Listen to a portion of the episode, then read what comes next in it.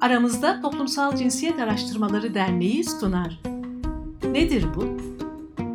Kavram, durum ve olaylara feminist bir bakışla kısa girizgahlar. Nedir bu? Avrupa Birliği'nin maddi desteğiyle hazırlanmıştır. Merhaba, aramızda Toplumsal Cinsiyet Araştırmaları Derneği'nin hazırladığı Nedir bu podcast serisinde bugünkü konumuz erkeklik çalışmaları. Erkeklik çalışmaları üzerine sorularımızı Emine Sevim yanıtlayacak. Emine Sevim, feminist bir akademisyen ve Mimar Sinan Sosyoloji'de doktorasına devam ediyor. Merhaba Emine. Merhaba İrem. Emine, nedir bu erkeklik? Erkeklik bebeklikten itibaren e, belli ritüeller ve sosyalizasyon süreçleri içinde yaşam boyu gerçekleştirilen bir toplumsal inşa süreci. Doğumdan başlayarak sünnet, aile içindeki konum, okuldaki arkadaşlık ilişkileri, ergenlik, çalışma yaşamı, duygusal ve cinsel paylaşımlar gibi süreçler her bir özne için hem ortak hem de özgün pek çok deneyim gelişmesine neden oluyor. Erkekliğin tanımı da buna benzer biçimde tarihsel ve toplumsal olarak değişkenlik gösteriyor. Orta çağda Fransızca'da masculinus, Latince'de masculus kelimeleriyle ifade edilirken 14. yüzyılın sonlarından itibaren hem terimsel hem de gramatik olarak kullanıldı. Erkek cinsinin niteliklerine uygun olma, güçlülük, yiğitlik, cinsel güç gibi anlamlarının 17. yüzyılın başlarından kaldığı biliniyor. Ee, modern erkeklik analizine yönelik ilk adımlarsa Freud ve Adler'in psikoloji alanındaki yorumlarıyla şekillendi ve e, erkekliğin biyolojik belirlenimden ziyade büyüme sürecindeki duygulanımlarla kurulduğunu açıklayan araştırmalar yapıldı. 20. E, yüzyılın ortalarında erkeklikle ilişkili kavramlar kültürel norm kümesini yansıtan içsel bir rol, kimlik veya sosyal psikolojik eğilim olarak kristalleşti. E, erkekliğin toplumsal olarak kuruluşunu iktidar bağlamında açıklayan çalışmalarsa 20. yüzyılın sonunda kabul gördü. Erkekliklerin inşası küresel, bölgesel, kurumsal ve bireysel olarak erkeklerin cinsiyetlendirilmiş performansları etrafında araştırılıyor. Yani genel bir formülasyona gidilecek olursa erkeklik e, toplumsal olarak inşa edilen karmaşık kültürel etkileşimlerin bir ürünü olarak tek biçimli veya tarih aşırı olmayan dolayısıyla da genelleştirilemeyecek bir kurgudur diyebiliriz. O zaman nedir bu erkeklik çalışmaları? Nasıl ortaya çıkmış? Feminist hareketin aslında mobilize ettiği erkeklik hareketlerini üç sarmal süreçle izlemek mümkün. Cinsiyet rolleri teorisiyle gelişen erken dönem erkeklik hareketleri, toplumsal cinsiyetin iktidar bağlamında eleştirisi ve toplumsal inşa tartışmaları ile birlikte fraksiyonlara ayrılan sosyal aktivizm. Erken dönem erkeklik hareketleri cinsiyet rollerine karşı kadınların öncülük ettiği biçimiyle bilinç yükseltme grupları oluşturdular. E, bu gruplar farklı karakterlere sahipti ve e, kayda değer çalışmalar iki eğilim etrafında yoğunlaştı. Erkeklerin kurtuluşunu savunanlar ve cinsiyetçiliğe karşı çıkan profeministler. Erkeklerin kurtuluşunu savunan gruplar erkekler üzerinde duygusal, psikolojik baskı yaratan kalıplaşmış cinsiyet rollerini eleştirerek sosyal açıdan erkeklerin de kadınlar kadar ezildiğini iddia ediyorlardı ve erkek dayanışmasını örgütleyen gruplardı bunlar. Profeminist bilinç yükseltme gruplarındaysa erkek egemen sistemin kurumsallaşmış yaşam biçimi eleştiriliyordu. Feminizmin ve gay özgürlük hareketinin etkisiyle homofobi, cinsiyet eşitsizlikleri, ataerki, erkeklerin ayrıcalıkları ve kadına yönelik şiddet tartışılıyordu. Feminist hareketin erkek şiddetine karşı radikal bir paradigma ile hareket ettiği ve yankı uyandırdığı 1970'lerin sonuna doğru Batı'da bir takım erkek grupları harekete geçerek günümüze dek ulaşan organizasyonlar da kurdular. Genellikle yerel olan bu örgütlülükler ulusal düzeyde etki edecek Men Engage isimli bir network de oluşturdular. 70'lerde üniversitede kadın çalışmaları bölümlerinin açılmasının ardından tartışmalı bir adlandırma olmakla birlikte erkek çalışmaları yani Men Studies alanı açıldı. 1980'lerin ortalarına doğru tıpkı feminist harekette olduğu gibi profeminist çalışmalarda da toplumsal cinsiyet eşitsizliklerine eşlik eden diğer sorunlar gündeme geldi. E, ikili cinsiyet rejimi, kimlik, ırk, din, sınıf gibi etkenler aslında tartışılmaya başlandı. Böylece profeminizmin beyaz, orta sınıf, heteroseksüel erkekler tarafından domine edildiği eleştirisi yaygınlaştı. Erkekler ve erkeklikler arasındaki farklılıklara vurgu yapılan, yapan çalışmalar da çoğaldı.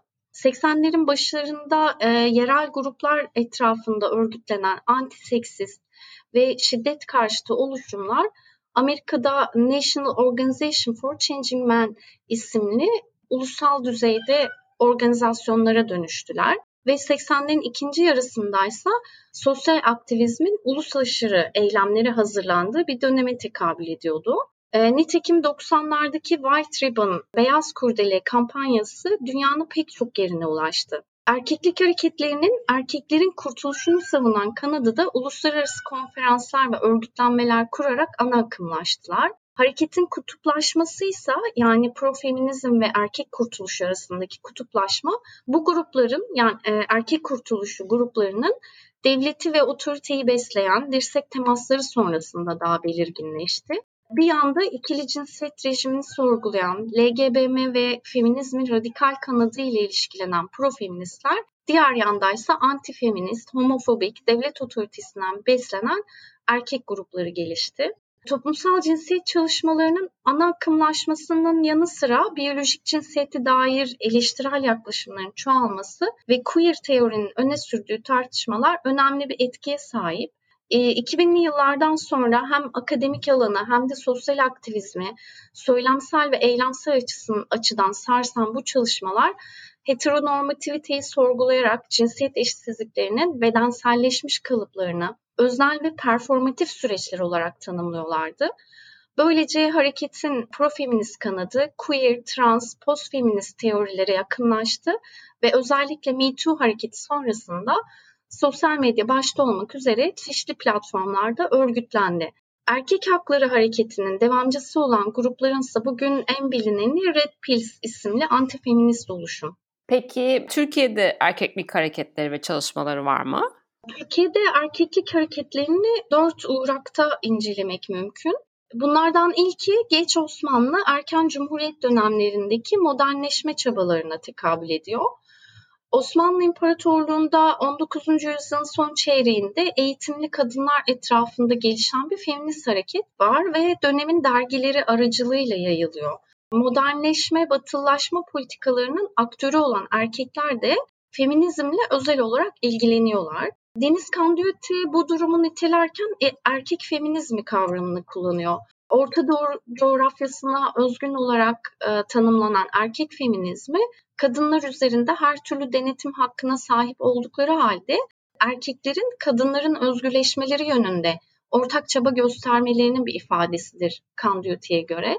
E, Cevdet Paşa, Ziya Gökalp, Ahmet Rıza gibi dönemin aydınları çeşitli metinlerinde feminizmi överler ve e, Türklerin yaşayış biçimlerinin feminist olduğunu iddia ederler. Nitekim bu çaba erken cumhuriyet döneminde de sürdürülür.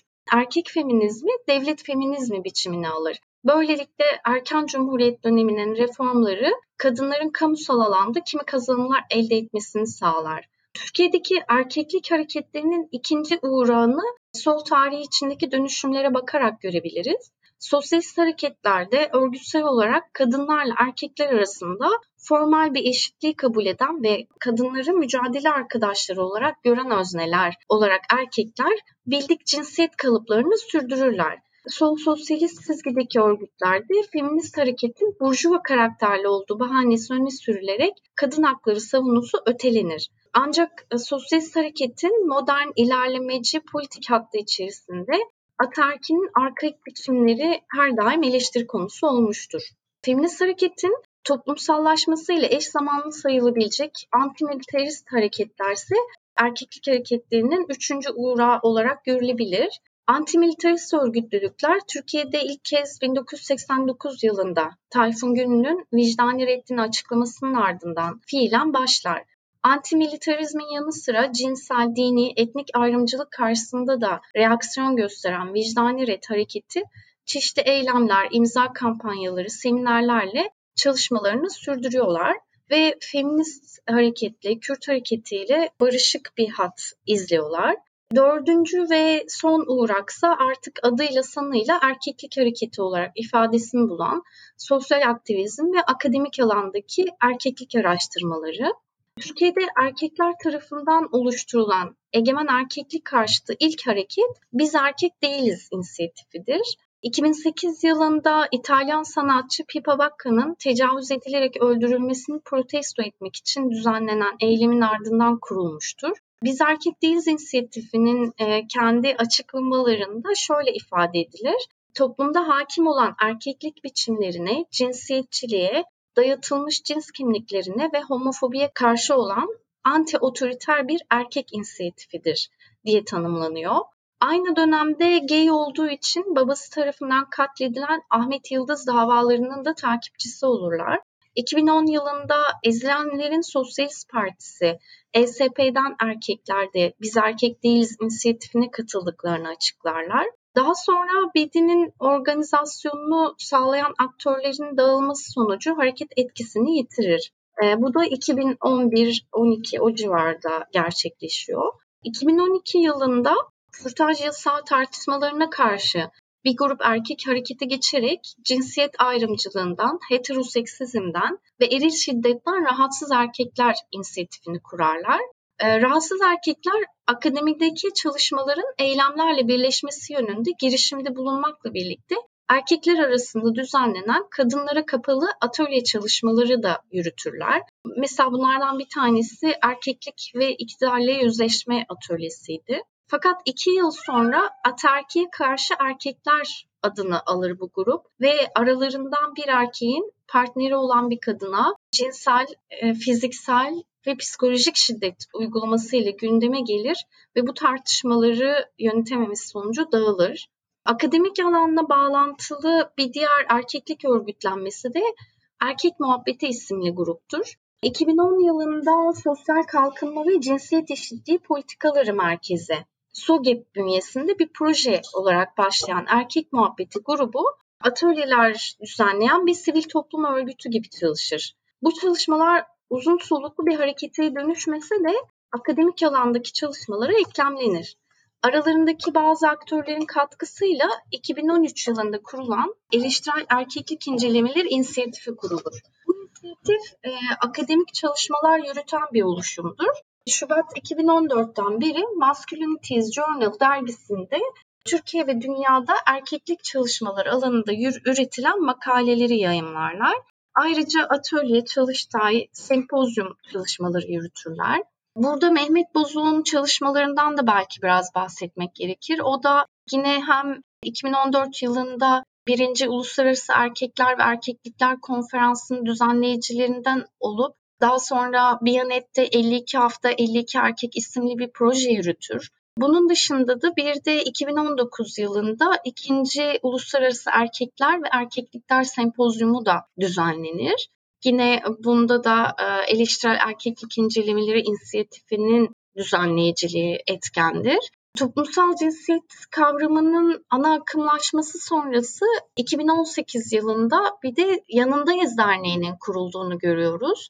E, bu dernek alandaki diğer aktörlerden biraz daha farklı bir çizgide. Derneğin kurucuları arasında Mert Fırat, Yekta Kopan, Ahmet Ümit gibi isimlerin yanı sıra Sabancı Holding, Pegasus Hava Yolları, Mavi Cins gibi şirketlerin yöneticisi olan erkekler yer alır. Yanındayız Derneği kadına yönelik şiddet, cinsiyetçi iş bölümü, kadınların istihdama katılması gibi alanlarda projeler üretiyor. İşte çeşitli söyleşiler, seminerler, panel gibi etkinliklerle farkındalık yaratmaya çalışıyorlar. Bunun dışında online aktivizm yaratma çabasındaki Erktolia'dan bahsedebiliriz. Bu da 2014'te Fransa'da kurulan bir internet sitesinden esinlenerek Türkiye'de bir eylem platformu oluşturulur.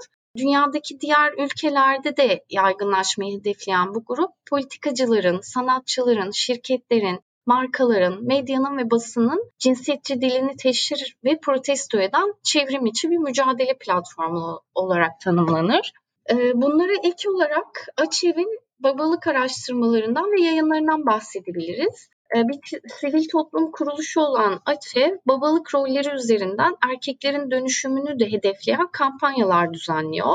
E, baba destek programıyla çocuk yaşta erken ve zorla evlilik riskinin yüksek olduğu tüm bölgelerde yaygınlaşmayı hedefliyor. E, çocuklara yönelik her türlü ihmal ve istismarın önlenmesi ve bütüncül bir yaklaşımla onlara uygun ortamlar yaratılması için tüm babaları sorumluluk almaya çağırıyor. E, son olarak eleştirel erkeklik Datça inisiyatifini ekleyebiliriz. Üniversite öğrencisi Pınar Gültekin'in Muğla'da öldürülmesinin ardından bu inisiyatif kurulmuştur. Bu inisiyatif en temel amacını kendi internet sitelerinde şöyle anlatır. Toplumsal cinsiyet kategorisinin erkekliği görünmez kılan, erkek egemen rejimden nemalanmayı sürdüren kullanım ve icra biçimlerine karşı çıkmak onların en temel amacı olarak belirtilir. Eleştirel erkeklik Datça inisiyatifi bu biçimlere ilişkin muhalif bir arayışın ifadesidir. Yine internet sitelerinde bahsettikleri şekilde yeni bir erkeklik inşa etmek için değil, yeni bir bütünlük için değil, içinde boğulduğumuz bütünlüğü bizi bütünleyen, soluğumuzu kesen o duvarları yıkmak ve içinden tek başımıza bütün özgürlük potansiyellerimizde çıplak bir varlık olarak doğmak için çağrı yap- yapmışlardır. Peki erkeklik hareketlerinin toplumsal alanda karşılığı nedir? Bu erkeklik hareketleri ataerkiyi ortadan kaldırabilir mi? Evet bu çok güzel bir soru. Erkekliğin toplumsal olarak inşa edildiği gerçeğinden yola çıktığımızda aslında değişimin kaçınılmazlığını da baştan kabul etmiş oluruz. Çünkü toplumsal alanda hali hazırda dinamik ve değişim gerektiren bir alandır. Erkekliğin de çeşitlenmesi, değişmesi, karmaşıklaşması hangi toplumsal alanda ne şekilde üretildiğine bağlı olarak farklılık gösterir. Ee, mesela 19. yüzyıl sonundaki Osmanlı'da batılılaşma çabaları ile birlikte erkekliği kültürel ve sınıfsal olarak ele alan Deniz Kandiyuti, şehirli orta sınıf reformcu erkeklerin belirleyici olduğu modernleşmenin yarattığı değişimi açıklar. Fakat erkeklerin değişim karşısındaki konumlarını ayrıca ele almak gerektiğini düşünüyorum. Ee, bunu iki eksende değerlendirmek mümkün. İlki erkekliğin modernize olması ekseninde geleneksel erkeklik değerlerinde gerçekleşen değişimlere bakılarak incelenebilir. Sosyalizasyon yoluyla aileden başlayarak yeniden üretilen ve pekiştirilen erkekliklerin 21. yüzyılda aldığı formlara bakıldığında hem feminizmin kazanımlarının hem de atarkinin çağdaş normlarla dolayımlanmış biçimlerinin etkisi altında kaldığını görebiliriz. Bu değişimin mevcut sistemlerin atarki aleyhine dönüşmesi noktasında etkisi tartışmalı. İkinci eksen ise e, erkeklerin toplumsal cinsiyet eşitsizliklerinin ortadan kalkması için verilen mücadelenin destekçisi olarak ortaya koyduğu değişim stratejilerdir. Yani biz burada değişim iddiasında olan erkeklerden söz ediyoruz ve onlar aslında ataerkiliğin birinci failleri olarak erkekleri, öznellikleri ve deneyimleri bağlamında ayrıntılandıran ve farklı erkeklik hallerini inceleyen fakat bununla birlikte feminizmi destekleyen organizasyonlar halinde hareket ediyorlar. Fakat e, bu hareketlerdeki erkeklerin değişiminin aterki aleyhine olup olmadığı da tartışmalıdır. Çünkü örgütlü bir değişim iddiasında olsalar bile ayrıcalıklarını ve daha genelde kadınlar üzerindeki iktidarlarını koruyup korumadıklarını e, dikkatlice incelemek gerekir. Yani buradan yola çıkarak belki erkekliğin neye dönüştüğü ya da gerçekten dönüşüp dönüşmediği tartışmasını yürütmek hakikaten önemli görünüyor. Mesela bazı araştırmalara göre değişimin erkeklere çok zor geldiği, kendilerini profeminist olarak kurgulayan erkeklerin bazı noktalarda erkek olmanın avantajlarını kullandıkları ve ev içi işler ya da çocuk bakımı ile ilgili konularda kim zaman kadın emeğini sömürmeye devam ettiklerini işaret ediyor bazı araştırmalar. Yani dolayısıyla şöyle kavramlar ortaya çıkıyor. Yeni duyarlı erkek, eski ve yeni erkekliğin melezleştirilmiş bir formu olarak yeni erkek, politik doğrucu erkek gibi kavramlaştırmalar var. Bu da cinsiyet eşitliği ve atarkiye karşı mücadelede melez bir erkeklik formu olduğunu işaret ediyor. Yani hem ayrıcalıklarını koruyan ama bir taraftan da değişimi bir özne olarak sürdürmeye çalışan erkekler. Ve buna baktığımızda genel eksen dünyada ve Türkiye'de ataerkil dışa vurumlara karşı başta kadına yönelik şiddet, cinsellik ve cinsiyetçilik olmak üzere erkeklerin politik mücadele verdikleri şiddet karşıtı örgütler var. Türkiye'de de genellikle kadına yönelik şiddet veya cinayet gündemleriyle erkeklik hareketlerinin ortaya çıktığını fakat e, belli bir noktadan sonra sürdürülemediğini görüyoruz. Üstelik e, ataerkiye karşı yaklaşım ve çözüm önerilerinin de henüz çok cılız olduğunu söyleyebiliriz. Toplumsal cinsiyet eşitsizliklerine yönelik erkeklerin yürüttükleri çalışmaların ve mücadele pratiklerin ise çok daha yetersiz olduğunu aslında kabul etmek gerekir. Otonom har- hareketler haricinde genellikle siyasi partiler veya demokratik kitle örgütleri içerisinde çeşitli salon etkinlikleri, eğitimler ve sınırlı sayıda eylemler kanalıyla ifadesini bulan bu pratiklerin sonuç alıcı deneyimler yaratıp yaratmadığı da bir o kadar tartışmalıdır. Aslında çok da e, önemli olan bu gerçekliğe bakılarak ataerkil yapının birincil failleri olarak erkeklerin ataerkilliğin yeniden üretimi bağlamında toplumsal cinsiyet eşitsizliklerine karşı aldıkları konumların biraz irdelenmesi, çözümlenmesi, sürekli bir eleştiri ve praksis etrafında tanımlanması ve yeni öneriler e, geliştirilmesine ihtiyaç duyduğunu söyleyebilirim. Peki son olarak erkeklik çalışmalarını cümle içinde kullanabilir misin? Aa, evet kullanırım. Şöyle bir cümle söyleyeceğim. Keşke erkeklik çalışmaları toplumsal cinsiyet eşitsizliklerine karşı mücadelede daha etkili olsa. Çok teşekkür ediyoruz Emine. Ben teşekkür ederim İrem. Nedir bu? Avrupa Birliği'nin maddi desteğiyle hazırlanmıştır. İçerik tamamıyla Aramızda Toplumsal Cinsiyet Araştırmaları Derneği'nin sorumluluğu altındadır ve Avrupa Birliği'nin görüşlerini yansıtmak zorunda değildir.